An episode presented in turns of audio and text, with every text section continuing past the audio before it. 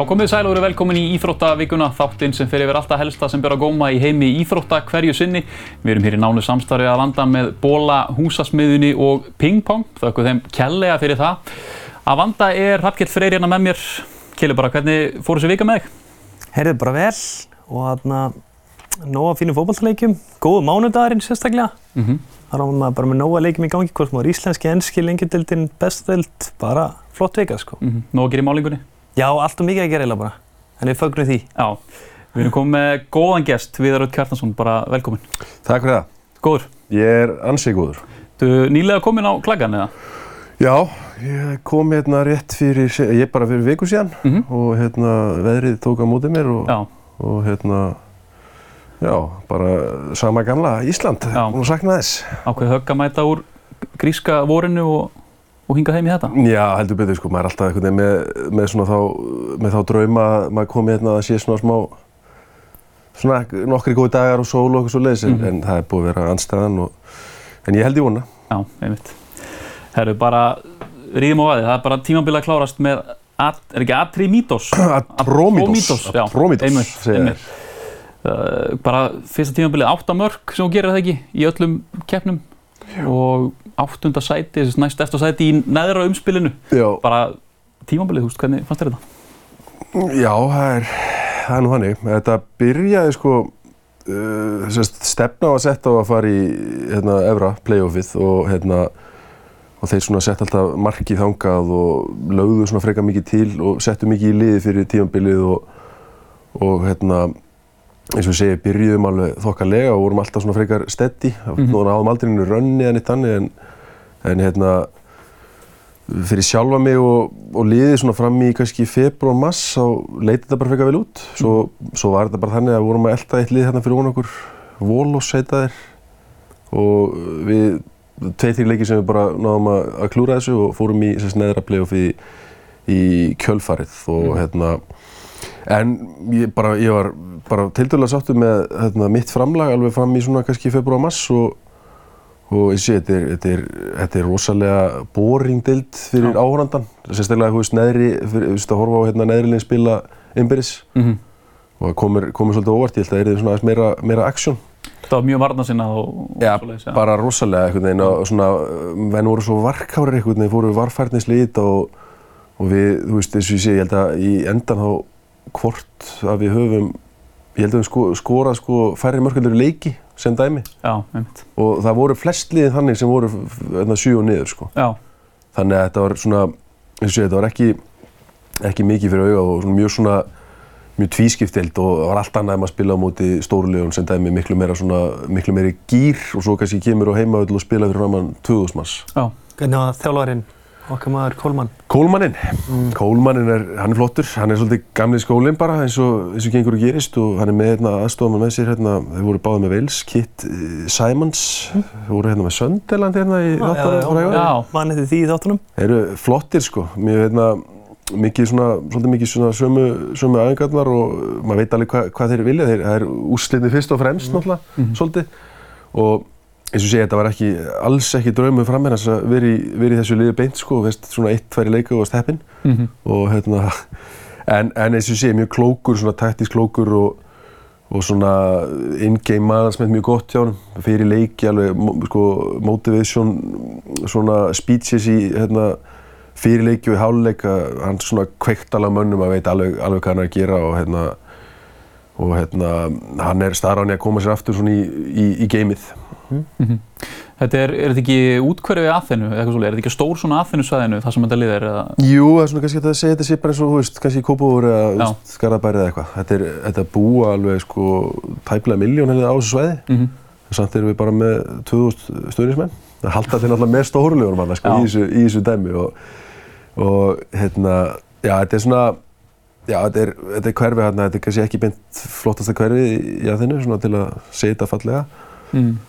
og uh, veist, allt, allt svona í kringu það, en hérna, er rótgróði liðsand efstild og, og, og veist, svona þegar ég tala við strákarna íslensku í dildinni, hérna, þá segja þær að þetta liðið svona, er yfirleitt í svona efri, efri hérna, helmingnum. Já, segir þessi kannski 2000 menn á manns á vellinum, vellinum eða eitthvað svo leiðis hverju sinni. Er það tómlegt í stúkunni eða er þetta lítill völlur eða út hvernig, Sko, þetta er svona, svona ga- algjörlega, sko, gamli skólinn, þetta er svona ringvöllur. svona ítalskur Já, og það er alveg svona, það er fullt á hliðunum báðum meginn, svo alveg bara tómt Já, eða fyrir aftan, þú ok. veist. Þetta er svona skrítið tilfinnið þegar maður er komin í færi, sko, maður sé bara, sko, 5.000 tóma bekki og hérna, en það er, þeir eru náttúrulega því, því líkur háaði þeim, sko, Já. og bara sprengjur og flugveldar og, og nokkuð sem, sem að stoppa leiki að komu, yfirleitt leifar ekki, sérst, út í liðin að koma, ef það er, sérst, að þennu slagur, sko. En það komu hérna Aris frá Thessaloniki, þeir komu og það var allt vittlust og hérna löggur það komu og stoppaði leikurinn í hálftíma og svona.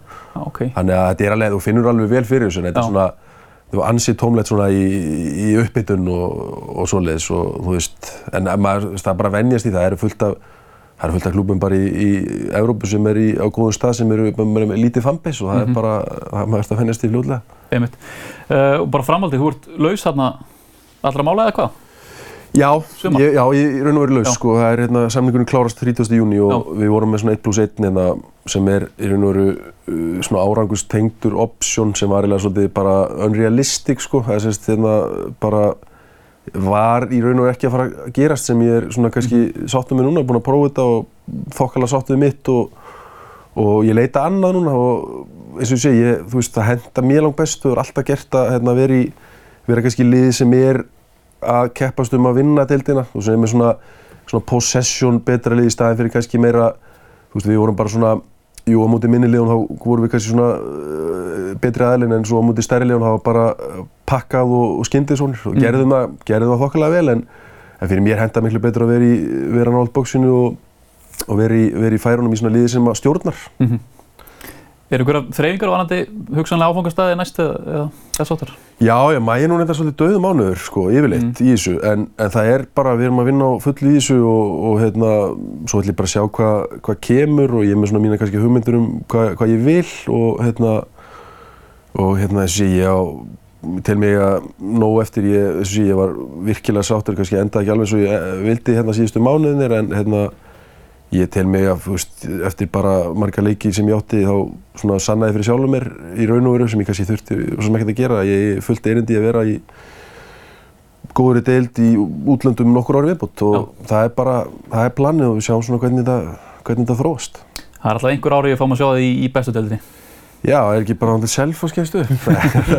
Nei, jú, ég held að, já, ég held að það sé ekki alveg komin, komin tími. Ég, veist, líka bara, mér líður vel, þú veist, það, ég, þú veist, þegar ég var svona, koma frá Nóri, það var einhvern veginn svona pæling í mér, einhver, það var einhver hundur í mér að, hérna, að koma heim, einhver svona, það var svona pæling svona hvort það er ekki, er ekki flott en ég sé, sé eftir um leið, sko, Mm. og hérna, því ég vil vera í þessu umhverfi sem er úti.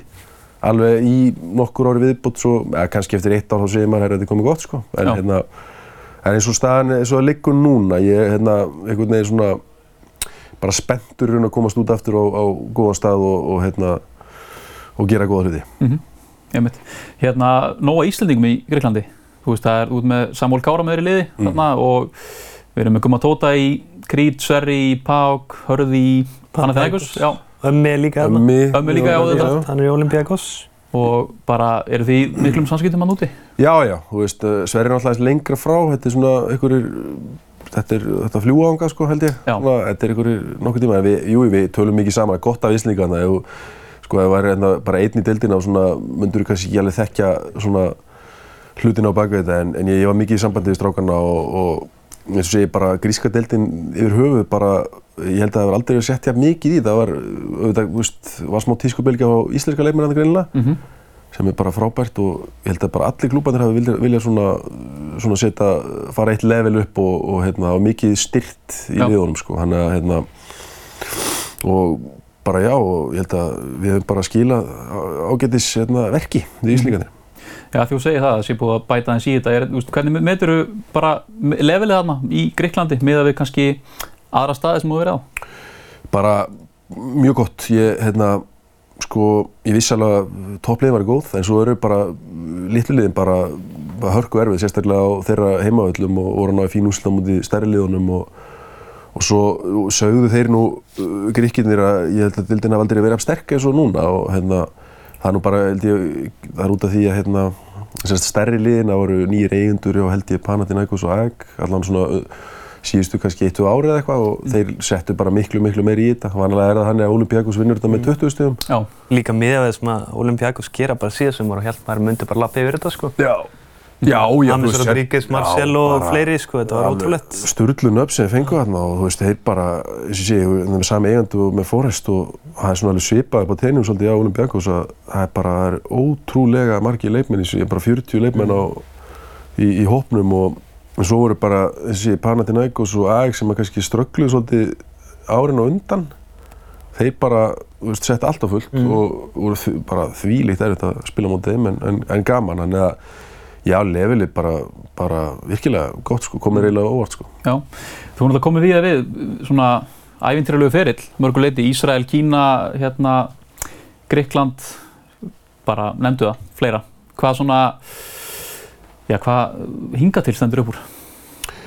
Stendur upp úr, það er náttúrulega, það er ekki bara titlanir, það er hérna, nei, það sem stendur upp úr er, er í raun sko að fá að, þetta er allt svo típisk svör sko, en, en það er gaman að prófa eitthvað nýtt og svona vera að setla sig inn á okkur um stað sem er kannski mjög langt í burtu og þú kannski kannast ekkit við, þekkir ekkit menningur og svona og, og svo náttúrulega ennþá betra þegar þú ert svona komin inn í gott lið, ert að spila vel og ert að vinna leiki og stuðnismennir elska þig og, og þetta og, og hérna já og svo þetta bara þú veist, að vera hérna í liðum sem er að keppa um titla, þú veist, vinn titil með Malmö, vinn byggarinn í Kína og svo erum við hérna í spil í Evrópudeildinni í Ísrael skilur þú veist hjútslið þar og bara þvílít sko svona allt í kringu fótball það bara var geðviki sko Mm. og svo náttúrulega gaman að prófa þú veist ég nú kannski ekki rosalega heppinn hann í Tyrklandi það bara COVID kemur beint og liðið bara var hann ekki í tíu líka en ég fekk kannski ekki rétt að mynd þar sko Já, Þannig að þetta er bara rosalega gaman og maður kynist alltaf fullt af fólki og svona alls konar hlutum. Þannig að ég er svona journeyman svolítið, þú veist. Ég er, finnst eins og, eins og til dæmis þegar maður er búið með eitt tíðanbíl, kannski oft frábært tíðanbíl, þá, þá finnst mér oft tíðanbúntu til að fara. Það er bara eitthvað sem kemur, þetta koma náttúrulega lið og vilja þig, en mér finnst sko eins og að, þú veist, uh, ef þú kannski á tíðanbíl og svo kannski markaðistur með markaðari mönnum í deild, þá finnst mér ógætt tíðanbíl 2 þá er pressan bara þá eftir að vera þarna efst uppi og svona mennfarnir að kannski lesa það aðeins, setja fleiri leikmenn og svona þannig að þá finnst mér alltaf tíðanbúl til að prófa nýtt og svona halda hittanum. já, Ég hef svona hort á þetta svolítið þannig gennum tíðina. Þannig að ég er svona, ég er bara ótrúlega gaman að vera, fara á nýja staði og, og, og prófa eitthvað nýtt. Malmö í tíu ára, eru tekið því? Nei, ég hef ekki gert það sko. það var sko, pressan það sko, að þú varst bara að hafa baulað og varst tvönu lifur og boltinn fótt tilbaka sko. Það, var, að, svona, það eru svona lið, þú veist, Malmö, þú veist, Maccabi, Tel Aviv og, og, og svona lið sem eru svona yfirleitt að dominera í sínu deildum sem er bara, það er ótrúlega skemmtilegt að spila en, en krefjandi í þokkabót. Það er bara, þeir eru ekkert sáttir með 1-0 úr hotni sko, þú veist, þannig að það, það gefur og sem, það heldur alveg rosalega á tánum sko. Og svo kannski kemur það í allt annað dæmi eins og liðið sem ég var í núna sem er, þú veist, það er ekkert, jú það er alltaf smá passion en það er alveg, mátt alveg gera játtöfli og þú veist, það ferður bara heim og slaka. Þeir eru nú bara 2000 stundismennir. Ég segi það, það er ekki mikið fyrir það sko. Er bara svona utan vallar á þessum stöðum. Er þetta ekki líka bara svona dýrmætt í reynslubankan? Ég meina, búi í Kína, búi í Rúslandi, öllum þessum stöðum. Er ekki, Jú. kennir manni mikið, skilja? Jú, ekkert smá maður og þú veist bara, eins og segi, maður hefur svona góðan, gott svona connection út um bara allan fótballtaheiminn eftir þetta, þú veist, kannski ef maður fyrir að að gera eftir ferilin og svona, þá er þetta, þá vegur þetta mjög þungt og maður er á fullt af bara vinnum frá öllum þessu stöðum og, og svoleiðis og náttúrulega frábært að ég náttúrulega var svolítið ungur í hóti Kína 25 ára með, með eina 19 ára með mér í, í farteskinu og, og maður hafði ekki reynslu, veist, maður vissi ekkert, ég held að maður gæti nú retta sér á ennsku, það var nú ekki tannig, þú veist, að fara með, sko, miða með kýminsku táknum út í taxa til að komast áleiðis og þetta var bara þvílit, þvílit við tólk allstaðar og, en það var svona, ég horfði tilbaka, veist, ég var til að prófa þetta aftur að því að sko, að því að, þú veist, það var svo mikið quality, sko, þú gæst búið til svo gott líf aðna, en ég bara einhvern veginn kunni ekki á neitt og var bara ennþá svolítið blöytur á bak við eirun og, og svo kemur í allt annað dæmi kannski Ísrael það besti stað sem ég búið á sko í Tel Aviv og svo hérna hérna með Rússland sem er svolítið bara gott en allt öðruvísi bara einhvern veginn sem þú getur, þú getur ekki svona ímyndaðir sko Já. og svo, þú veist, svo hinni staðinir, þú veist, þetta er bara, þetta er allt einhvern veginn gjör ólíkt og, og bara, þú veist, eins og ég, bara gaman og bara fórhundið að prófa það. Heldur að Kína sé líki, maður sé svona þeir sem endast þannig að það er ofta svona aðeins eldri leikmenn. Heldur að sé ekki líka bara út frá reynslu í lífinu og fleira, skiljum Jú, að sjálfsögðu, ég, var bara með yngri mönnum hann að 25 ára að koma hann og, og þú veist, þegar þú ert orðin aðeins svona sjóaður í þessu og þekkir þetta, þú veist, þá, þá var líðið frábært hann og þú Sölvi, hann veit þessi í botn, skilur, ég var svona bara, ég var að komast aftur í Evrópu, ég var að hugsa bara, bara strax, veginn. Og, og það er alltaf hörmuleg hugsun, sko, hann er aldrei að setla almennilega og gera það og, og ég myndi, maður myndi núta þessi botn í dag, af því að þú veist, þetta var alveg bara frábært, sko, fyrir utan kannski nokkar hluti, en hérna, Þetta er, þú veist, þessi, þú ætti að vera vel sterkur í haus ef að, hérna, ef þú ætlar að svona, ef þú ætlar að vera flottur þar. Einn í Esta var að klára fimm orm, já, það heldur mikið. Já, ég held að síðan, þú veist, Japanar er frábært, það verið mjög gaman að fara þangað. og Solskjærara mitt Já. var í stjórnunni. Það er allir þvílitt, sko, þeir sem að fara þangað, þvílitt sáttir Jap og Japan er ennþá, meira þess að ennþá þróaðara og svona, þú veist, ekki jafn mikil ferðalög og svona þessin, sko. Einmitt, ertu tungumálamaður eftir þetta? Voru- Já, ég tala hebresku, tyrk, nei, nei, nei, ég, hérna, ég var komin sko aðeins inn í hebreskuna. Já. Ég, ég er ekki, ég er svo latur maður, ég, veist, þessi, ég var latur í skóla og, og hérna, þú veist, uh, ég einhvern veginn svona pikk upp svona þessi helstu. Mm. Ég er svona ágætlega taland á norsku, þú veist, það er bara eðlilegt að þetta er svo líkt og þú veist, þetta bara synkar inn, sko. Sænskunni, þú veist, ég er alveg svona, ég er uh, ágætur þar, allt í lagi Já. og hérna, en restin, þetta er alltaf svo erfitt, sko. Já, ég bara- það, þetta er ekki einföldustu Nei, tungumál. og allt með, eh, sko, líka á þessum þremur stöðum, Rússland, eh, Greikland, eh, Ísar, þetta er öðruvísi, sko, hérna, stafrúf. Já, einmitt. Það, alltaf- það hjálpar ekki mikið, en maður er svona, maður maður- maður náða að bjarga sér í búð, það, ég Já. tek það hérna úr þessu. Vel gert.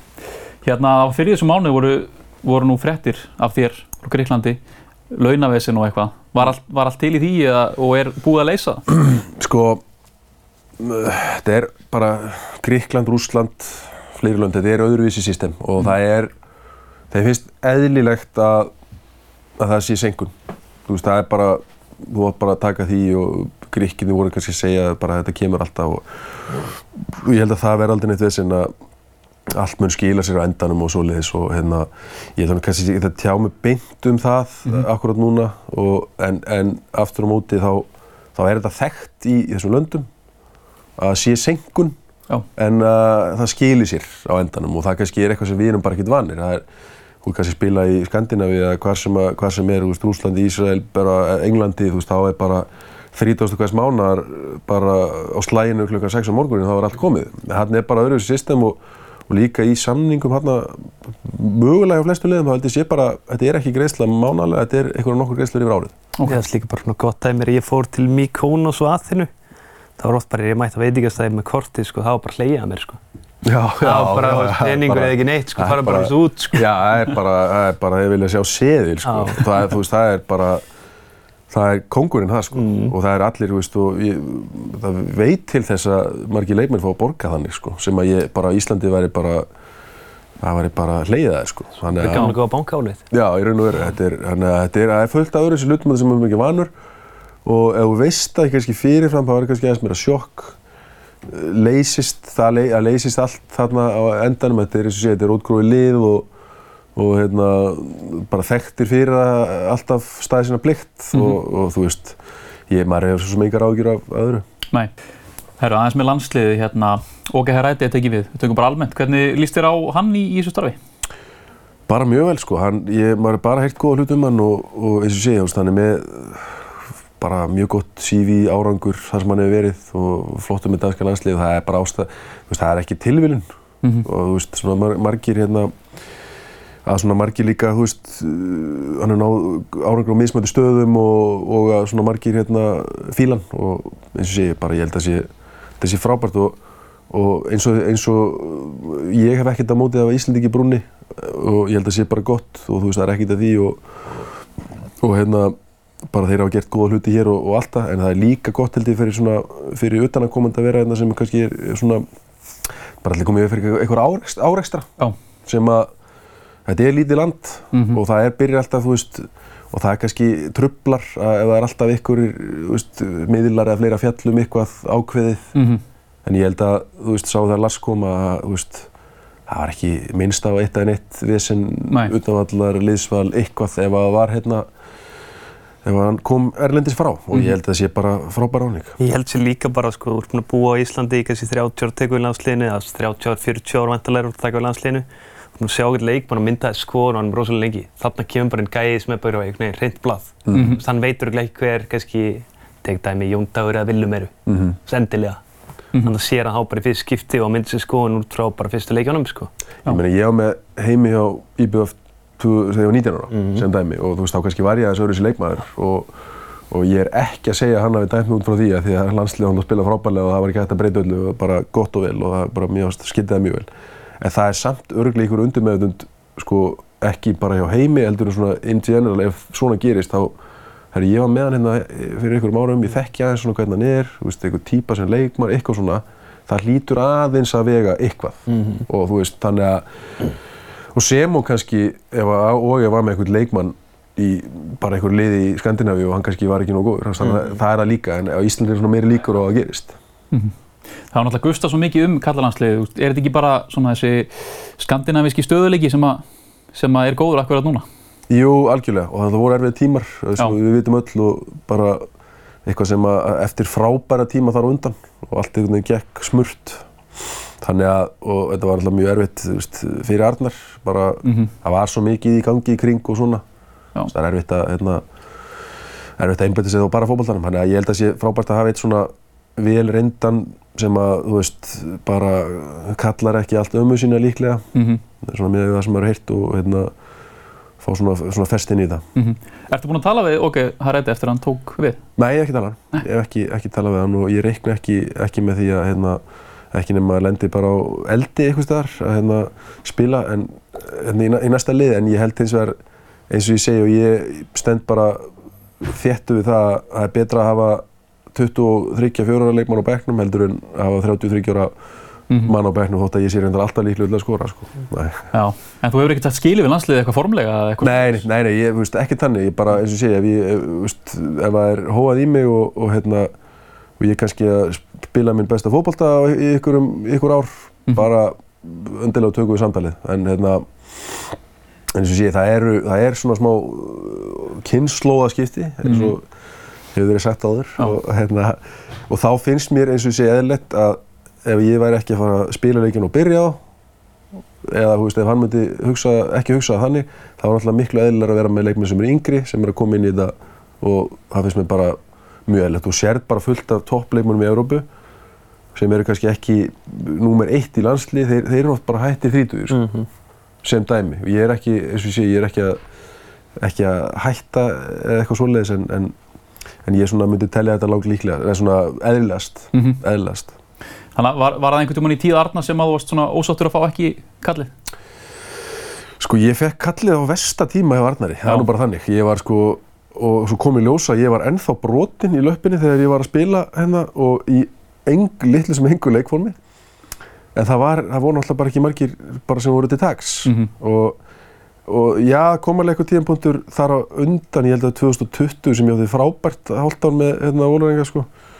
Bara einhvern veginn svona, já, þa þá fannst mér, ég man svo sem ekki hvort það voru margir leikir þá en En jújú, jú, ég reyndar var, Hamren var þá ennþá, það er rétt, það er rétt. Svo rétt eftir það 2001 fannst mér mjög skrítið, áðurinn ég meiðist. Já. Svo þegar ég meiðist og eftir ég meiðist þá, jú, ég fæ kallið, finnst það, ég finnst það bara, minnst kannski ég að skilja þá en, en svo hugsa eftir þá kannski, það var ég bara, bara ekki tilbúin og bara einhvern veginn ennþá, ég fór allt og kist á stað, sko, hann að, jú, ég finnst alltaf skrítið kannski 2022, ég sé ekki, var ekki í hóp og bara jafnvel að spila, ég finnst það bara, mm. þú veist, ef ég horfa á horfa á allt saman. Ég var að leita í undirbúinum en ég fann ekki, ég var ekki eitt sem þú kallar henni hóp og byrjaðir. Var það undir Arnar eða? Ég sko var hérna ekki kallar henni í hóp í, í upprunalega, Já. svo er hérna, kemur ykkur, ykkur, eitthvað upp á hana, svo er ég kallar henni og hérna sem bara þá þriðið, fjórið streikir mm. eða opsjónu eða hvernig sem að kalla sko og, og svo byrja ég sko sem ég er náttúrulega bara, ég er svona óvænt sko. Mm -hmm og ég mani, mani, ég myndi fyrsta leiknum, ég var hérna, og held ég móti Rúmeníu eða eitthvað ég maður rosalega líklegur og flottur hann í 30 myndur og svo var, fann ég bara ég, ég var hálf haldrandi og orðin reyttur sko, þannig að ég er svona einhvern veginn og minnir að ég byrja leik sko 30 setna eftir það, þannig að ég svona einhvern veginn var ég var svo, ég var virkilega langt frá að vera, vera tilbúin á, á þeim tíma. Þannig að þetta, þetta er svo típist að því að sko þegar ég var að spila minn mögulega minn besta fótbolta fyrir nokkrum árum kannski sem ég hérna ætla nú að reyna að komast ákvað á hans stað aftur. En hérna þá til dæmis var ég ekki að byrja þú veist og eðlilegt bara að því við vorum að spila vel og, og ekki einu sinni einn og einn leik sko. Þannig að þá, þá var ég virkilega svona einhvern veginn er, að því að þú veist þá var ég kannski á með sjálfstöði botni en þá var ég kannski á bekknum í 90 minnur að koma inn á 5 minnur sko. Þannig að þetta er allt spurning um tímasending og svo færði allt í einu leikinn og bara og leikinn að eitthvað 2-3 í rauða, ég byrjaði 3-4 leikið hana og þá einhvern veginn ertu svona já, búin að æfi í þrjár vikur mittur í þrjá mánuði og svona bara, þetta er, þetta er líka spurningum tímasetningu í þessu. Ég meina, hefði ég verið í toppformi, byrjað að skora, kannski væri ég bara eða þá í landsliðinu að, að byrja, sko, hver veit. Herru, förum í stuttar auglýsingar svo komum við aftur að vörmu. Húsaksmiðjan. Alltaf við höndina. Einn starsta vefverslun landsins. Húsaksmiðjan fyrir þig.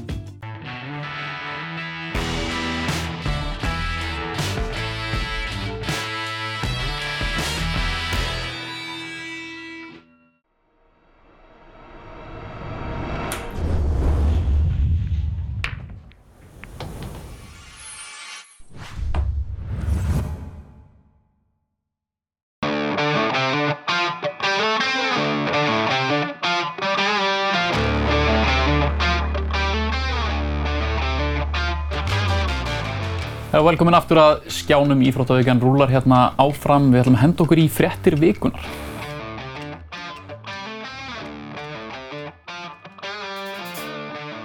Stríða á milli FH og KSI var ábyrjandi í vikunni sem er að líða. FH-engar voru afar ósóttir við að Klara Bjartmas hafi nýtt sér ákvæði í lögum KSI til að vísa olbúaskoti Kjartans Henrís Finnbóassonar á borð aga og úrskurunemndar.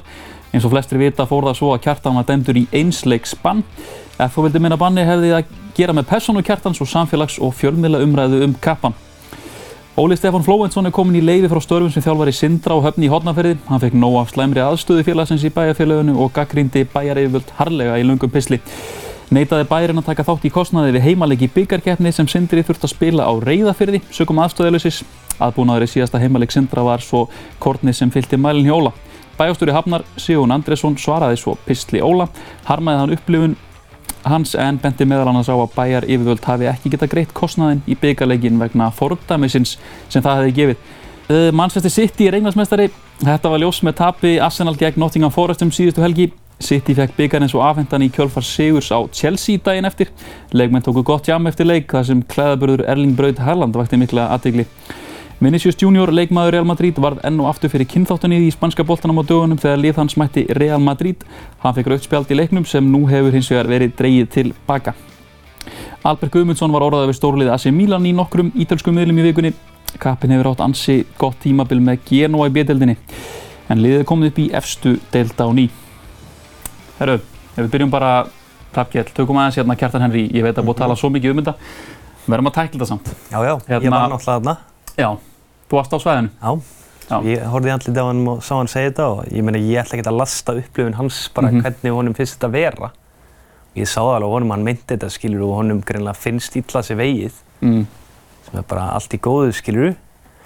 Þetta er hann var að kommenta á að hvað .net væri að hafa samband við klöru eitthvað, þú veist ég bara, að einhver leiti skil hann bara, Mm að því leiti.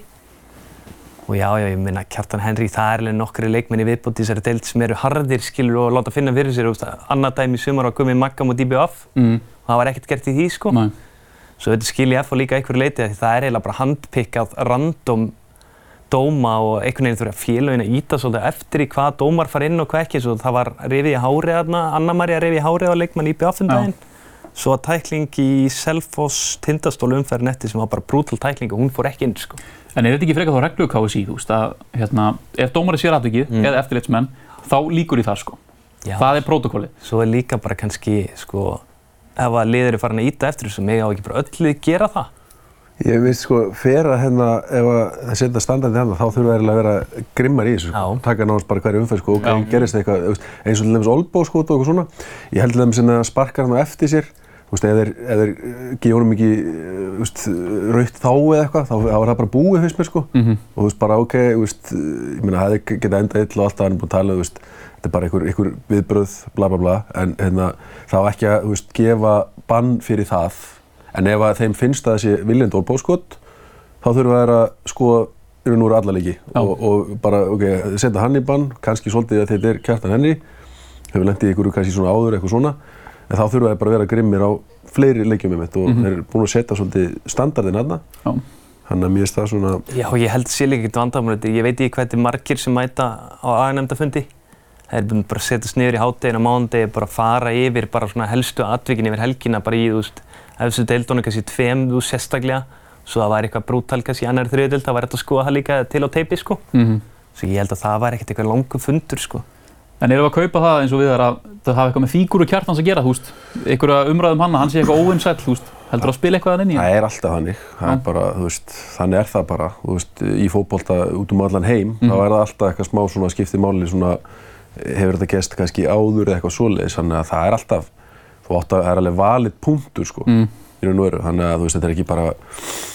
Þú veist, þannig að ég er svo sem ekki farið svona gróla yfir þessa, yfir þessa hérna, yfirlýsingu á FA og hvað sem þeir settu hann inn, en Hún var svo sem ekki það- merkileg, sko. nei, það er, það er alltaf smá þannig Já. og það er bara það að vita það allir. En hérna, ég samt spyrir mig að því þetta er eitt leikur, þú veist, í bann.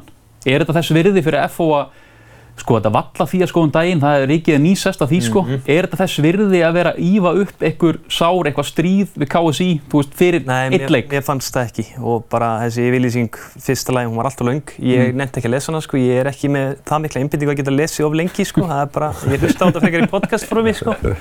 Ef það er hægt og þarna, mér finnst þetta bara bull og FO þurfti ekki að gera þetta, sko. Menn Atli Viðar Björnsson nefndi ekki einu svona bakkað upp, sko, Nei, stúkunni. og hann er alveg harður FO-ingur. Já, Kannski hugsa sér tvisar um næst ef það kemur eitthvað fyrir, það er komin yfirlýsing hérna, þannig að svona, þetta er svona smá varnarleikur. já. Er þetta mál ekki, er þessu ekki bara lokið, við ekki bara ljúka þessu hér? Þeir, þeir unnu náttúrulega bara leikinn. Já, já. Hann var í banni og ég held að það sé bara, þeir eru ánægastir með það, að til eigi og vinna bara á mjög erfiðum velli sem var bara bestur í Íslands og var lent í brasi í Mhm. sumar, sko. Með mitt. Það er Óli Stefán, hérna, mjög þungbær, eða bara svona hörð, harður pistill frá honum um ástandið á hotnafyrði, svo kom svar frá bæjarstjórunum, svona, ertu búinn að setja inn í þetta kelli? Já, ég las pistilinn og ég hef mitt sá svarið líka frá bæðastörunum og ég skil Óla bara vel. Óli er bara þjálfari, hann myndi segja bara hái level á Íslandi og á Mhm. ekkert að vera þjálfa sindra og hann býr bara þarna og hann er að setja allt í þetta, fullu starfi.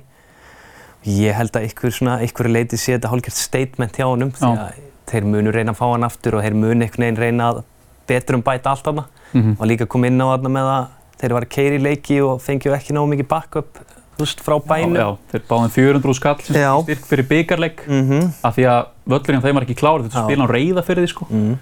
Uh, Viðar, skilur hann ekki að vera pyrraður yfir þessu það? Jó, algjörlega, þetta er topp þjálfari og geti hægilega verið í efstu deild og hérna, þeir ættu bara að gera allt til að hérna, halda honum sáttum. Ég, en ég, mér skrítið sko, þessi, þessi bær, þetta er, það er ekkert nálátt honum sko. Ég er nú gaman að koma á hotnaður sko. Spilar, það það er mjög gaman. Ég, en svona, svo hugsa maður að það er alveg 2000-3000 manns, það er eitthvað, eitthvað þar. Ég held að væri sko, er ekki útgerð þarna og ég held að það er bara mm Mhm. minnstamáli heima að halda, halda fótballtilega þarna með, með miklu metnaði og sér Já. horfir á Ólafsvík sem hefur verið hérna, gerir sér gildandi hérna síðustu ár og ég meina Grindavík, veist, þessi svona sjáarpláss. Mm -hmm. Það væri nú hérna, lítið hérna, mála að redda smá aur. Já, og ég líka, þetta komur óvart því að ég mitt held að væri mikið lagt í þetta. Ég man er Óli var síðast með og þá voru hörku leikmenn en Rodri náttúrulega kom fyrst í Sindrasmiðl, ótrúlegt sko. Mhm. Eitt besti miðjumár í Íslandi dag bara. Ég held að það væri bara alltaf tíu hana sko, svo þetta komur óvart. Já. Já, maður myndir ekki halda að það sé bara útrúlega mikilvægt fyrir bæjarfélagi að halda í jól, mm -hmm. fókbaltinn hlýtur að snúast alltaf um, eða ekki snúast um hann, ég ætla alveg að hljóma þannig, en hann hlýtur að vera ótrúlega mikilvægt fígúra í bara fókbaltasamfélaginu. Já, klálega. Ég meina, horfir á Söðakrók og Tindastól og hérna körfuna, skiljum, Mhm. þetta býr til mikla svona, þú veist, gleði og bara stemningu og, Mm. hérna, þú veist, ég held að Sindri, þeir voru nú einhvern tímann í efstu deild fyrir einhverjum miljón ára, var það ekki? Allavega í 90 og eitthvað, Já. næst efstu eða Já. maður ekki, en hérna, þessu. þeir er hann alveg að vera með burði til að koma sér aðeins, aðeins herra, held ég. Mm -hmm. Herriði, síðan skiljum við það, Vinicius Junior, hérna, þetta, hann var enn og aftur fyrir bara kynþáttanýði, uh, þetta er bara, já við erum svona að við séum enn að sjá endalösta fréttir um þetta, sérstaklega hann á Spáni, Þú veist, þurfa menn ekki bara, það er ekki bara að fara að taka almennilega á þessu þarna í spænsku deildinni. Jú, algjörlega, ég meina, ég, veist, ég spila út um allt einhvern veginn, aldrei orðið einhvern veginn vitni af neinu Nei. svona slíku, ekki, ekki í einhverjum svona, ekkert nefnum eitthvað, kannski eitthvað örrið ein, ein manneski eða eitthvað svolítið, svo þetta er búið að gera svo ofta, sama manni líka, Já, finnst bara að þetta taka á þessu þannig bara að þeir bara mætti ekki spila með árundur bara í bara harða refsingu, þá kannski gerist eitthvað. Já, og þetta, jújú, jú, taka ykkur að þrjá fyrir að góðra og setja eiliða bann, jújú, jú, en ég segi bara reysa sekt og, og hérna, bara spila fyrir framann enga, þá, það mun virkilega, þá munu þessi klubbar blæða og þá eh, actually fyrir held ég að gerast eitthvað. það er núna, það á að loka fyrir hluta stúkunar hjá Valencia, held ég í næsta leik, það er búið að taka rauðaspjald tilbaka, þannig að menn eru kannski eitthvað aðeins að vakna í þessu. Já, en samt var þessi yfirlýsing einhvern veginn að svar frá honum, heitir hann ekki Tebas, jú, Jú. á Twitter, það var bara daburt. Algjörlega. En eins og við erum segir, mér finnst það bara vera, þú veist, fimmleikir væri bara, þú veist, það myndi vera alveg högg fyrir til dæmis Valencia, sko. Ja, þeir þurfum alveg hérna, hérna, sem sagt, miðasöluna og allt í kringum leiki bara matchday hérna, tekjurnar og allt Já. þetta. Og það myndi virkilega, þá myndi þau bara, þá myndi virkilega læra held ég og þetta er búið að gerast of oft og alltaf einhvern veginn spáttn einhvern veginn. Mhm. Svona, þú veist, önnur, svona, maður heyrta frá öðru löndu sem svona, gerist kannski svona reglur eitthvað svona en, en hérna, já þeir eru bara að gera og svo, hvað segja, hann kom ekki í einhverja skýsultöku til að útskýra eitthvað, já já, bara flottur. Ég held að lýsi viðhörunum svolítið vel að reyða upp hérna, blagamannafund, það var blagamannafund sem Klopp var á fyrir leikinn á móti Real í vetur. Þá, það var spænsku blagamæður held ég Já. sem spurði, þú veist, er Vinicius að gera eitthvað til að verðskulda sko, þú veist, að verða fyrir, Já, ég mitt, já, ég veist. þú veist, það- svaraði ég mitt bara mjög vel og bara svona, hann var eiginlega bara að pæla hvað ert að reyna að veiða mig út í hérna einhvern veginn, sko. Já, já. Hann bara rósaði Vinicius og sagði bara nei, Já. það er ekkert eitthvað sem að bögga mig, sko. Já, galið. En hérna, eina stóri fréttum vikuna var að City klára þetta svona endanlega. Uh, Viðar, þú ert Arsenal-maður, lítur að vera, Stenni, svo flestir á Selfoss eða ekki. jú, jú. Hérna, en City bara, þú veist, er einhver að fara að stoppa á næstu, næstu árum? Óvinnandi vél, sko, það veist þú, þegar spila á móti stórulegunum sem sagt innbyrðis, þá eru þeir að fara að rústa þér, Mhm. skilur, svo, svo uh, valla stíga þér feilspor, gerðu eitthvað, maður svona aðeins að dreyma, þeir gerðu jættur um búin fórest, sko, Mhm. en alltaf hefði Arsenal bara getað, actually, eitthvað síðasta mánuðin, sko. Já. töpuðu þessum stígum þeir væri líklega núna bara með ennþá með eitthvað stíg á sitt eða við unnið þessar svona skilduleiki og eh, ég segi ekki skilduleiki mútið Liverpool út en að vera tvönu lifir það er bara, ég var alltaf gest held ég í sögu Mhm, mhm. og líka mútið Vestam Það er einmitt, þeir hefðu geta komist upp með að tapa báðan leikjunum mótið City. Já. Það hefðu bara klárað sitt, sko. Já, algjörlega og það er svo svona um, blóðugt svona eftir að, að hyggja þú veist, það, við hefðum verið góðir bara að tapa mútið City, bara flott Mhm. og svo bara unnið einhvern veginn leikina sem við áttum að vinna Já, þarna eftir þetta, það, en svo sé maður bara að, þú veist, Arsenal var ykkurum tíma var, var þetta að fara að klikka, við vorum ekki að fara að taka Bornmáð þetta 2-0 undir og vinna 3-2 alltaf, sko, og hérna þannig svo sá maður í hvað Gear City var, sko, þú veist, að það er bara, eins og ég segi, bara við áttum bara, e- eftir þetta klikk þá bara hugsaði maður eftir á bara annarsætti flott, við áttum ekki skilað yfir þetta, sko, í raun og veru. Kili, það er eins og Pep getur sagt við sína menn alltaf bara í svona februar, Mm. bara já, já, nú klárum við síðustu 15. Og ég er farin að halla að sé ykkur leiti bara taktist hjá hann, hann sé farin að þekka deildina vel og viti hvað þetta er. Og það er meira en að segja að þegar leikmenn eru kannski svona að spila eins og Arsenal eða Leopold síðustu ár, Evrópukeppnum líka, á 40-50 leiki við tímabilið, byggarkeppnir, hellinga þeim, að bara þurfa að vinna hvern einasta leik til að halda í þau. Það er bara feikilega erfitt og þeir einhvern veginn bara stilla þessu svona upp, sko. Já, Passa þær að hrósa sko Arsenal galið mikið sko bara eitt besta lið bara sem ég séð og það var Arsenal bara já heyrðu við erum svona góðir og það var bara 2-0 á mótið Southampton eftir Já. kortið sko Og ég man líka, eitt- það var eitt í sko desember eða janúar, hann var bara að segja að við verðum bara algjörlega toppa til að ná Arsenal. Bara þá var hann klálega að spila ykkur leiki því að hann vissi hvað var ótrúlega mikið eftir á mótinu, sko. En þessi partí sem er halda alltaf núna, þetta er orðið árlegu viðbyrju hjá þeim þegar þeir fagna titlinum, var nú heldur gaman að vera þarna, virðist vera.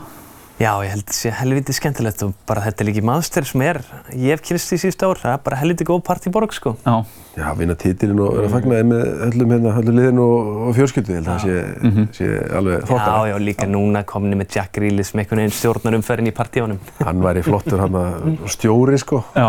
það virkar, virkar feskur Og Haaland í náttfötum, það var svona aðtækisvert. Hann Er- ákveðin típa. Er þetta líki bara þegar þú ert orðin við skóra máttu, er þetta ekki svona hugsunarátturinn að máttu eiginlega gera það sem þú vilt? Já, það var ekki vinsast að ég fara að mæta í náttfötum með. Nei, nei, bara- Það myndi ekki meika sens. Það það segir, það segir ekki. Það er bara- Já, einmitt. Hérna, að lókum, Albert Guðmunds, maður sá að fréttir með Mílan í vikunni og ég hugsaði hann fyrst og sagði hann frá skila, þetta væri kannski eitthvað rugl, en Mhm. það voru alveg svona þrýr miðlar, einhver þrjú blöð sem voru að tala um þetta, húst. Já, já, svo sem að eiginlega bara valdeflir mig þetta sé eitthvað til í þessu er bara þetta eru svolítið sko leikmannakauð sem Mílan hefur verið að gera það síðust ár er að hafa sótt Tíaf hafsendinn frá Schalke sem var bara í Bundesliga B, hann var með þar með Gulla í fyrra Mm Kalulu sem var bara í Lyon B þeir hafa sótt Junior Messias sem að hefur Messiasinn. að spila í Sirius C, B og A og svo bara AC Milan sko -hmm. það var ekkert flóknari ferðilega það og freka gamall eins og, þú veist, ég ætla ekki að segja Albert sé gamall en hann er ekki eitthvað sko, þú veist, tvítur brassi sko, Mhm. svo að ég get alveg séð þetta, þeir eru smá svona, ekki bara kalla moneyball pælingabann í Mílan. Já, Þegar þetta gerist ekki í, sko, í Englandi þá var menn ekki championship að kaupa veist, bestu menna þar yfirleitt nema kannski minni liðin en, en þetta gerist í Þýskalandi mikið og, hérna, og líka á Ítali Mhm. og ég held til dæmis fyrir Albert að alltaf AC Milan bankar þetta þá segir ekki nei sko Nei. Nei, nei. Þú veist, og, en það þarf að, að, að, vanda valið virkilega Mhm. hversi kom ykkur önnu lið þarna og, og alltaf mjög auðvelt að sitja hér og, í túbórturnunum og tala um þetta en, hérna, það sést ég held að það sem skiptir mjög miklu máli fyrir hann alltaf búin að frábær í ár og náði sko tímambil núna með fullt af mörgum og svona sem er, sem er svona sem er óa mikilvægt fyrir mann í hans stöðu og ég held að það sé mikilvægt fyrir hann að að hérna, aðalatriðil fyrir hann að vera með þjálfara sem að, sem að skilur hann og, fílar hann. Mm heldur það sé ekki erfitt, ég menna, þú veist, ef hann fær, ef hann fær að vita í sumar, hann er kongurinn í Genoa, líklega í fallbarátt í Serie A, er samt ekki erfitt þó hann hor- horfði kannski fram á einhverja bekkjasettu í Mílan, skilur, er samt ekki erfitt að segja nei við því? Jú, bara, þú veist, það er bara ekki hægt og, og þú veist, kannski síðan bara er hann komið, fær hann hérna breykið bara strax í byrjun og, og byrjar að skora og leggja upp og spila vel, þú veist, þá bara er allt í hennu bara landslæði breytt svona, sko, Mhm. þannig að þetta gerir svo fljótt í fótboltana, það er bara, þú þarf bara eitt leik nánast til að, þannig að það er alltaf einhver, þú veist, svona, þú veist, að hugsa um einhver svona karriérpæling að vera hérna kongurinn, spila alltaf, svo kannski byrjar að tapa miljón og, og bara skora alltaf mörg og Mhm. þá er orðið þvílið þungt, í staðan fyrir að vera í liði sem að sem að hérna, spilar veist, skemmtilega bolta og hann hérna, er að hérna, mókunum inn sko. Já, Svo er tvent í þessu líka, hann hugsar kannski, ég fæ hann mögulega aldrei aftur. Það getur alveg gerst. Og svo, ef þú ert komin í AC Milan, þú getur alltaf ekki skrifið tilbaka og þá getur hann jafnvel farið sko í betra leið en Genoa. Mhm. Bara Já. tökum dæmið Sassuolo að Fiorentina sko. Statusin frá, statusin sæn í svona stórtlið, það er bara þannig að þú veist, skrefið þá frá því, það er ekkert aftur í Genova sko, það er bara, þú veist, bara gott lið í búndislíkunni því að Milan er bara það stórt, Mhm. stórt dæmi og hérna, eða bara mjög fínt lið í, í, í seríunni sko. Já, Alfred til dæmis gott dæmi með Real Sociedad, þú veist, hann fór í Augsburg stutt eftir það. Já. Það var bara flott lið sko. já. Já. Við erum að fá hérna, Albert aftur í, í landsliði og ég meina, við bara vitum það sem er mjög jákvætt Mhm. og heldur hann get ekki hjálpað akkurat við það sem að hefur svona vantað í síðustu leiki, bara skora úr opnum leik og búa eitthvað til úr opnum leik og bara, jú, 100%, Já. ég er mjög mjög trúanum að frábæð leimaður og, og svona hérna núna svona virkilega svona sína svona virkilega hvað hann býr, hann er alltaf verið með svona svona glimpsi sem sem maður segir svona inn á milli, þarna er hann á virkilega góðu löngu tímabili. Já. og svona í landsliðinu 2015-16 hefði hann ekkert henda frábælega sko, Mhm. mm hvernig fótballtegi spilir, svona árangursvíkan og svona leið eitt svolítið þannig að þú veist það þarf bara að finna stöðu í lið sérst, hvað er alltaf notan á vellinum og, og hvernig það er og bara gefa honum fullt tröst og hann mun bara til yfir að vel fyrir landslið alveg 100% og, og það er bara fyrir því þú veist, hvað, er alltaf að spila honum Mhm. hann alltaf er svolítið svona fölsk nýja og, svoleiðis en þú veist, getur láta að vera bara alveg fremstann eða alltaf láta að vera í tíunni eða hvernig, hvernig formation spilar hérna og eða alltaf að hafa hann svona á kantinum komið inn? Þannig að ég er bara, eins og ég segi, bara hann er á örgulega að spila besta fótboltan af okkar atvinnumönnum at, the- moment Mhm. sem er Jóa mögulega Mhm. og hérna þannig að þá bara þarf að nota, nota hitan einmitt. Einmitt það. Herru, hendum okkur í íslenska fótbolta næst. Viðar, hefur ekki, hún er náttúrulega úti en hefur ekki fylgst vel með bestu deildinni?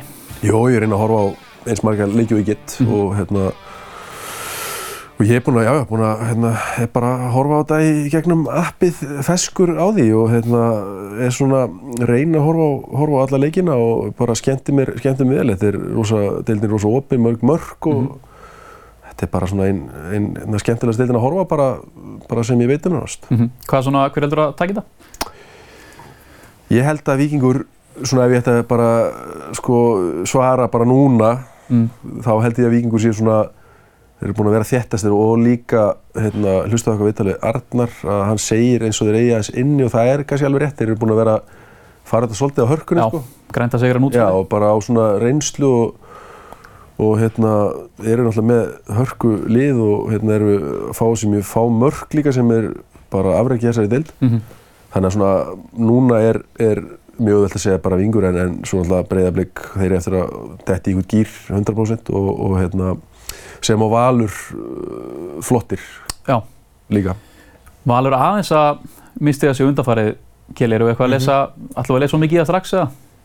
Sko, ég, mín skoðun af Vali bara svo ég held að það þurfi svona meira jafnbæja á miðjuna svo þeir geti haldið þetta út. Já. Ég held að þeir muni sækja það í klukkanum, sko. Hann, náttúrulega- Arnar tala náttúrulega mikið um þetta fyrir tímabil, Birkir Heimis, jú, jú, hann er vissilega bara góður.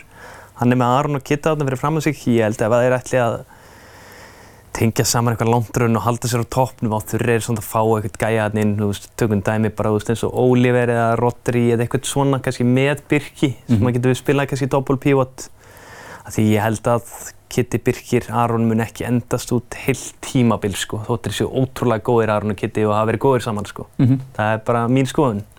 Það sker það bara ránt hjá mér svo.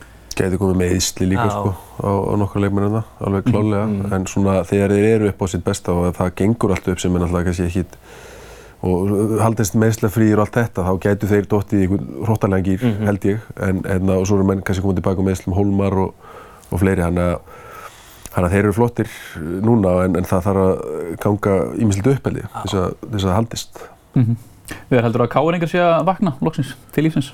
Já, sko, þeir eru með fullt af flottum leikmönnum, sko, það er ekki það. Það er búið að vera svolítið neikvæð umræði kringu KR. Mm Gæti hafa tröflað eitthvað, þú veist, aðstöðumál og svona ekki jafn mikið svona, svona ekki, ekki rosa mikið bjart sína. Þeir eru, þú veist, þeir eru aðeins að breyta, fá unga leikmenni, þeir eru búin að vera alltaf svona síðustu ár með mikið af, þú veist, svona eldri leikmönnum en eins og ég núna, þú veist, ég meina, erum með Theodor Elmar sem er svona aðeins eldri leikmann, hann er alltaf frábær, kjósónlega og fullt, fullt af, af góðu leikmönnum og þeir, þeir þurfa bara að fá smá sjálfstörst og jákvæðan og kemur svona smá, ná smá káer anda inn í þetta. Já, Þá held ég að hérna, þetta verði, þetta verði, þeir verði, já, já, þetta er bara, þú veist, eins og þetta er bara slöpp byrjun og það Já. er, þetta er svo, gerir svo hratt í byrjun og margir leikir að þeir eftir að rífa sig í gang. já. Kjell, allt tala náttúrulega um einhverja fallbaróttu á káir og eitthvað var náttúrulega bara, bara létt grínið ekki. Jú, jú, algjörlega. og Svo náttúrulega við erum með öll þessi gögn og allt þetta. Ef maður skoðar þau náttúrulega, þá eru KR miklu neðar en þeir ætti að vera. Mm Og ég held að það muni bara eins og gerist alltaf, það muni jafna sig út. KR mun, ég held að þeir muni slefa inn í Evra playoffið ná endanum. Það er alltaf, ég held að það verði alveg klart þegar verði það, sko. Og þarna, KR bara, ég sagði það hérna, var ekki í fyrsta þættinum líka. Þú veist, mér finnst svolítið vandamál KR að ég skilði það einhverju leitið stærsti klúpur á Íslandi, það var alltaf að reyna að vinna titilinn. -hmm. En einhvern tíma þarf þetta bara aðeins slaka á bara og taka eitt skrið tilbaka og eins og þeir eru að gera núna og fullt af ungu leikmönnum og bara eru tökum smá tíma í þetta. Mm -hmm.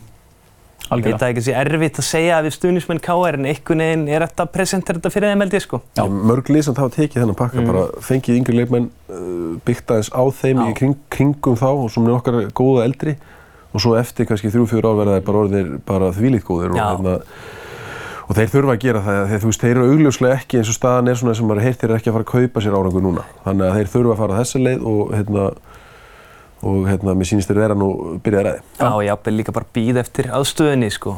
Því að við Algjörlega. sjáum eins og bestu lið á Íslandi eru öll með frábæra aðstæðu. Aðstöðu. Ástu, já. Einmitt. Við höldum yfirleitt svona lengjudöldar umræðun í, í þættinum okkar kjela á mánudögum en mér langar að spyrja út í Selfoss að því þú ert hérna. Bara hefur séð, hefur þú fylgst vel með þeim í byrjun, tímanbils? Ekki nógu mikið, ég ekki fylgst nógu mikið með þeim og hérna, ég fylgdist það vel með þeim í fyrra Mm uh, og sem sagt, mér svona, ég sakna svolítið að sjá svona hva, hvert klúbur er stefnir. Já. Það er svolítið svona, og kannski ykkur í selfisingar. Ég veit að hérna, Dino er að gera allt sitt besta og, og allt það og ungi leikmenn að koma upp og, og svoleiðis en mér finnst svolítið búið að vera sama í mörg, á, allt of mörg ári rauðeila þar sem Mhm. að Selfoss er frá kannski 8. til 10. sæti í, í lengjudeld og Já. einhvern veginn svona það aldrei, það kemur aldrei nýtt ár hægri, nú ætlum við að hérna, aðeins að taka skrifið upp og ég veit að það er, það er fínar að- þú veist, aðstæðan í fínu selfósi kannski, þú veist, ekki sama fjármagn og aðri klúpar til að vera að styrkja klúbin eitthvað, eða styrkja liðið eitthvað svakalega. En, en mér finnst vanta aðeins meiri metnað í sko, þá er ég ekki að tala um sko, ég er að tala um í kringum liðið til þess að, gera aðeins bara eitthvað smá allugu, kannski eru kannski eru ekki tilbúnir, kannski þessi yngri leikmenn ef að Selfoss myndi allt í nóvand komast upp. Mhm. mér finnst vanta örlítið meiri svona það eru nú allavega að gera eitthvað. Ég man bara þegar maður var yngri á sínum tíma fórum beint upp úr einna annari deild í dag upp í næstefstu. Svo allt í hennu, það var ekkert plani en allt í hennu voru komnir bara í því líka bara að komast upp. Já, og svo eftir það vorum við ekki sáttir en nú, nú verður liðið styrt og, og þá ætlum við að komast upp. E- það vantar eitthvað svona smá svona eitthvað svona plan. Ég veist ekki, einhvern veginn ég ekki séð mikið þannig síðustu árin bara einmitt. Hérna, hva, já, hvar svona, en hvar vilt að félagi bara staðsetja sig sem, veist, vilt að þér einmitt keiri, keiri á þetta reyna að fara upp eða viltu, Já, bara, já, veist, bærin orðin stór og Já. mjög nála Reykjavík ætti það auðvelt að fá leikmenn þarna yfir og, og eins og sé aðstæðunar bara mjög, mjög fínar eh, eftir því sem ég best veit og, og hérna og fullt af, fullt af fínu fyrirtækjum hérna í bænum sem vilja styrkja og potið til þess að koma þessu á næsta, næsta sérst, koma liðin á næsta skref, nei næsta staðsi og hérna og eins og sé, og ég veit að þegar kemur árangur á Selfossi þá, þá verður mjög auðvelt að fá fólk á völlin Mhm. en þegar það er ekki minni árangur þá er kannski ekki jafn mikið stemning og ég vil sjá það bara vera svona um toppin í lengju og svona botnin í bestu svona þar eins og kannski þeir voru ykkur nokkur ár einu sinni og Já. mér finnst það bara, það stærð bæjarfélagsins bara að gefa það í ljós Herri, það er allt í rugli hjá Juventus. Það voru tíu stygg dregin af liðinu aftur í vikunni. Ég rætti við Jóhann Má Helgason sem veit allt um þessi mál. Kíkjum á það.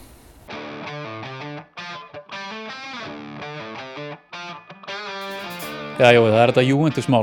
Tíu stygg dregin af þeim aftur núna, 15 stygg fyrr á tímanbylunu. Bara að útskýra svona, bara aðeins í byrjun, hvað svona, um hvað snýst þetta mál?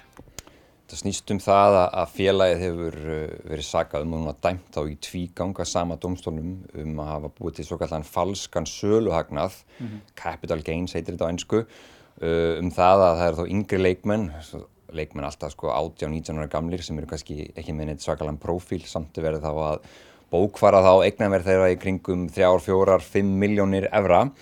Og þetta er náttúrulega óeðlegt og þetta nær allt til ásins 2021 í oktober að þá var byrjað að skoða þetta mál.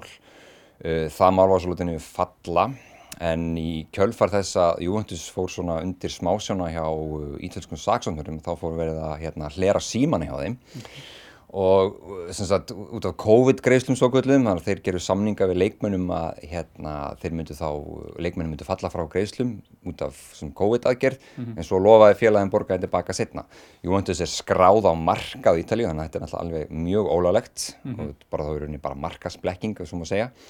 Þannig að þá við sem hleranir komið ljósa að þá eru sannanir fyrir því að þeir hefðu svo sannarlega nota þetta svona bókaldstrykk beitt fölskum hagnaði í, í leikmannasölum. Og það er þá búið að dæma það núna í tvígang, það var vorun í tímabundi svona á málunni vísa aftur til domstóðsins á læradómstíði en það er nokkuð ljósta að þeir eru mjög líklega á leiðinni í, í fá þessa refsingu, tíu stæða refsingu.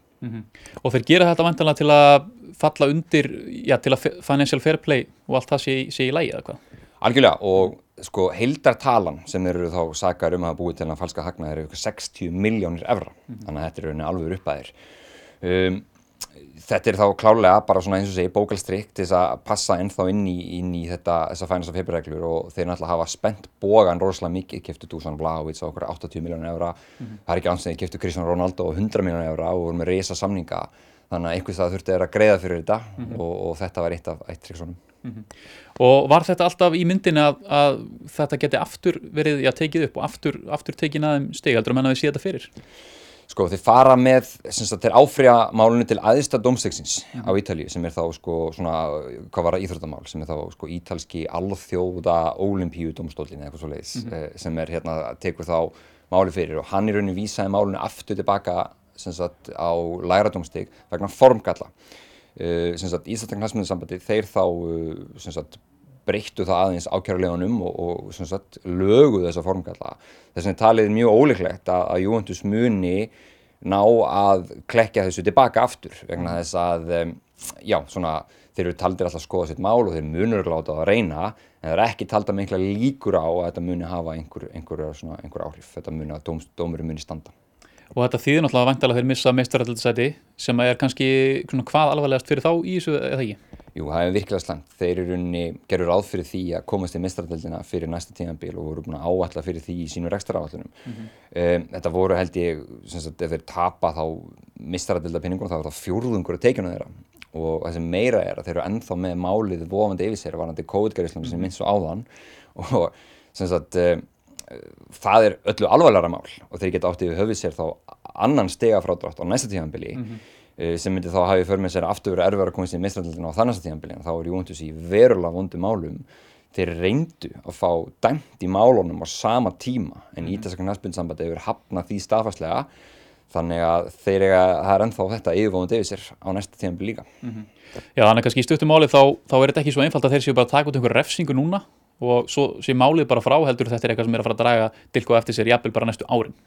Í raun og veru, vegna þess að eh, sem sagt, annars vegar þá á eftir að leiða hittmál til líkta og náttúrulega bara Juventus, þeir eru engan veginn þá kannski með sama svona þeir hafa verið stóralega í Ítalíu það, það félag sem við geta eitt alvöru peningum það myndi segja sé sko þeir eru komin í mikla fjárhærslega spennitröyu núna næstu tvö tímabil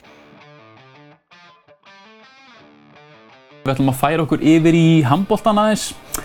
Uh, IBVF, þeir hérna viðar, þeir eru að fara bara illa með, illa með haugana. Já, þeir eru að klára þetta Já. og það er bara, eins og ég segi, þetta er, það lúkar bara full auðvelt Já. fyrir þá í raun. Er það ekki í, það er í, Það er, það er á morgun. Þegar við erum að setjum hér, þá eru þeir líklega- líklega að klára þetta. Já, einmitt og hérna, nei, það er bara eins og sé, það er rosalega mikil stemning í Vestmanni í bara varandi íþróttir og þeir, þeir leggja alveg rosalega mikið í þetta og, og hérna, þegar það gengur vel þar þá er örugglega hvergi betra að vera held ég Mm -hmm. og hérna, ég hef ekki, ekki fylgst mikið með hérna, hérna, úr, úrslita emíunum en, en hérna, en hérna, þeir eru ansið góðir og eiga þetta vel skilið sko bæði far. Við rættum þetta nú í síðustu viku kili að haugarnir líklega væru bara, þetta, þetta var aðeins svo mikið þetta MV við afturhaldingu, þau væri aðeins svo þreyttir bara að koma inn í ferska eigamenn. Já, líka bara allt tímbilúðist, þeir er svona rétt slefinn sem áttundasætið, allt og gott litilega sendilendi áttan líklega besta bara í sögunni sko. Mm -hmm. og svo lenda þær í reymi á móti afturhaldingu sem að fer í fimmleikja meðan IPF er einhvern veginn bara sko einhverjum búningaleikjum og æfingu bara að fara í fótbolta sko. Að góða mynd að næðin Já, og svo mæta þær eigamönnum sem virðast bara vera einhvern veginn miklu betri en þeir og þetta er leikindir báðir upp alveg eins, þetta er svona, þetta er leikir fyrstu 40 svo bara svona jaft og þett síga í byggja fram úr síðust 20 sko. Mhm. Ég held að þetta verði líka hannig bara í þessum leik, lokaleik sko. Mhm. Að lokaleika mínu mati, þetta getur náttúrulega endað í þeim leikum. já, einmitt. Hérna, segjum bara skiljum handbóltan í bylli, en, en aðeins inn á körubóltan, Kili, Álta, er eitthvað að gerast á Áltanis? Já, bara heldur betur.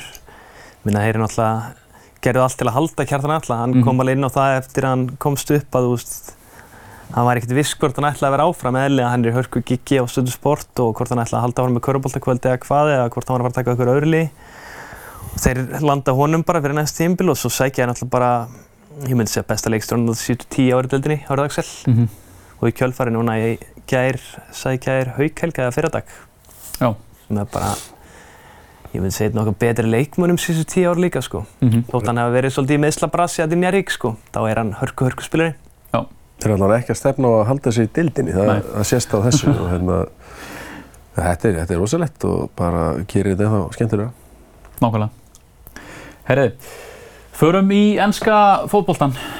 Það er, hann er að klárast og hérna, ég þessi loka umferð við þar, við hefum nú viljað aðeins meiri spennu á, á fleiri vikstöðum. Já, já, já, en það er, eins og ég segi, það er yfirleitt ekki, ég hef nú komið fyrir síðast ára nokkur sinnum að hérna, síðast umferð sé á toppnum sé, hérna, Mm sé spennandi, en, en það er alveg, það eru alveg leikir hérna í neðri helminum, alveg sem að hérna, sem að verður að fylgjast með og náttúrulega aðal, þetta er náttúrulega snýst allt um Evertón í raun og veru á Mhm. móti, móti Borm og þeir stjórnum þessu svolítið sjálfur. Já. Er ekki, Keli, getum við treyst á Bormóð og útivelli lungubúinir að berga sér á móti Evertón í, í síðasta leiknum? Nei, mér hlakka bara til að sjá sko hvort hann Garján og Ilmunni still upp sínu besta lið eins og hann gerði í síðasta leikum Master, þá var hann bara einhvern veginn að lega mönnum að spila sko. Mm. ég held að geti orðið allt vittlust en hann það ekki sko. Já. Já, það væri svona típist, þú veist, ef hann mæti bara með svona hálfgerða varamenn síðan í vetur og tekur þessu rólega þá held ég verða lítsmenn brjálæðir sko, og ég að líka sko. Kem, er ekki samt jafntefni í raun nægir markatölu? Jú, er, það gerir það líka. Lýts klikkuðu vel hann á móti, móti vestam, hann á sig allavega ekki í stíg sko. Nei, Þannig að sko að vera að spila leik og jafntefni nægir Mm. á móti kannski einhverjum ungum sem vilja sanna sig í síðustu umferð, menna bormaðin og það er enga keppa en ég meina mögulega þeir vita að þeir geti haft áhrif á eitthvað, þá Mhm. svona geti geti komið eitthvað púki í það og hérna, reyna, reyna að gera eitthvað á vellinum sko. þannig, að, þannig að það er, alveg, það er líka svolítið hættulegt sko. að, þú veist að jafntefli dugar heldur en ef þú þarft að vinna þá er miklu meiri þá taka þér sjensa en þú veist þeir gætu enda á 60 myndur 0-0 bara herru við höldum sko, þú veist það er, það er líka stór hættulegt sko. þannig að hérna, ég vona að verði eitthvað, ég vona að þetta verði ekki bara klárt í hálfleik fyrir Everton ég held að það verði ekki hann alltaf. Það er ekki búið að staðfesta að Dominic Calvert-Lewin verður ekki með. Ég held að hann verði ekki með neitt. Já, það er bara rísa högg. Ég Já. man eftir leik sem ég horfði í veitur Liverpool á móti Everton. Hann var ekki með, hann var svona simska inn á frammi. Það, var bara, það er heiminn og hafa á milli, sko. Mhm. Ég veit ekki hvað hann gerir með framherjastöðuna, sko. það sem bara miðjum að Grey hefur, Vópi. hefur eitthvað farið þarna líka. Já. Ég get sett hann svona í falsk, hann bara töfra eitthvað fram. En það sem allir eru að pæli er hver fer í sambastildina. Já, það er búið að vera, þetta er búið að liggja svolítið á mér núna, þungt á mér í vikunni sko. Tottenham þarf að vinna Leeds og þá er þeir, Já, þá, nei byrju, Tottenham þarf að vinna Leeds og treysta á að vilja miðstíði sig. já, það er hár rétt. Svo Brentford ennþá séns reyndar. En það þarf hansi mikið að Já, ganga. það er eða City líka. Það er, Já. Sko, Sam er aldrei að fara að gera mi- minna en að vinna hennar leik. Ég held að það sé alveg örugt, sko. Já. Þannig að við getum svona stróka, króta þá, króta tóttinum út úr þeir bara þau. Mhm. Þannig að ég held að vilja taka þetta. Ég hallast að því. Já. Unais Army. Já, Það eru bara helviti þeir eru bara heldur öflugir og bara Leopold, ég ætla ekki að segja verið stálheppnir en þetta var erfiðast leikur þeirra bara í nokkra mánuði sko. Já. Mm Annars eru Newcastle búinir að tryggja sér þetta -hmm. og United líklega Og Brighton fara í Brighton Európa-deildina í Európa-deildina.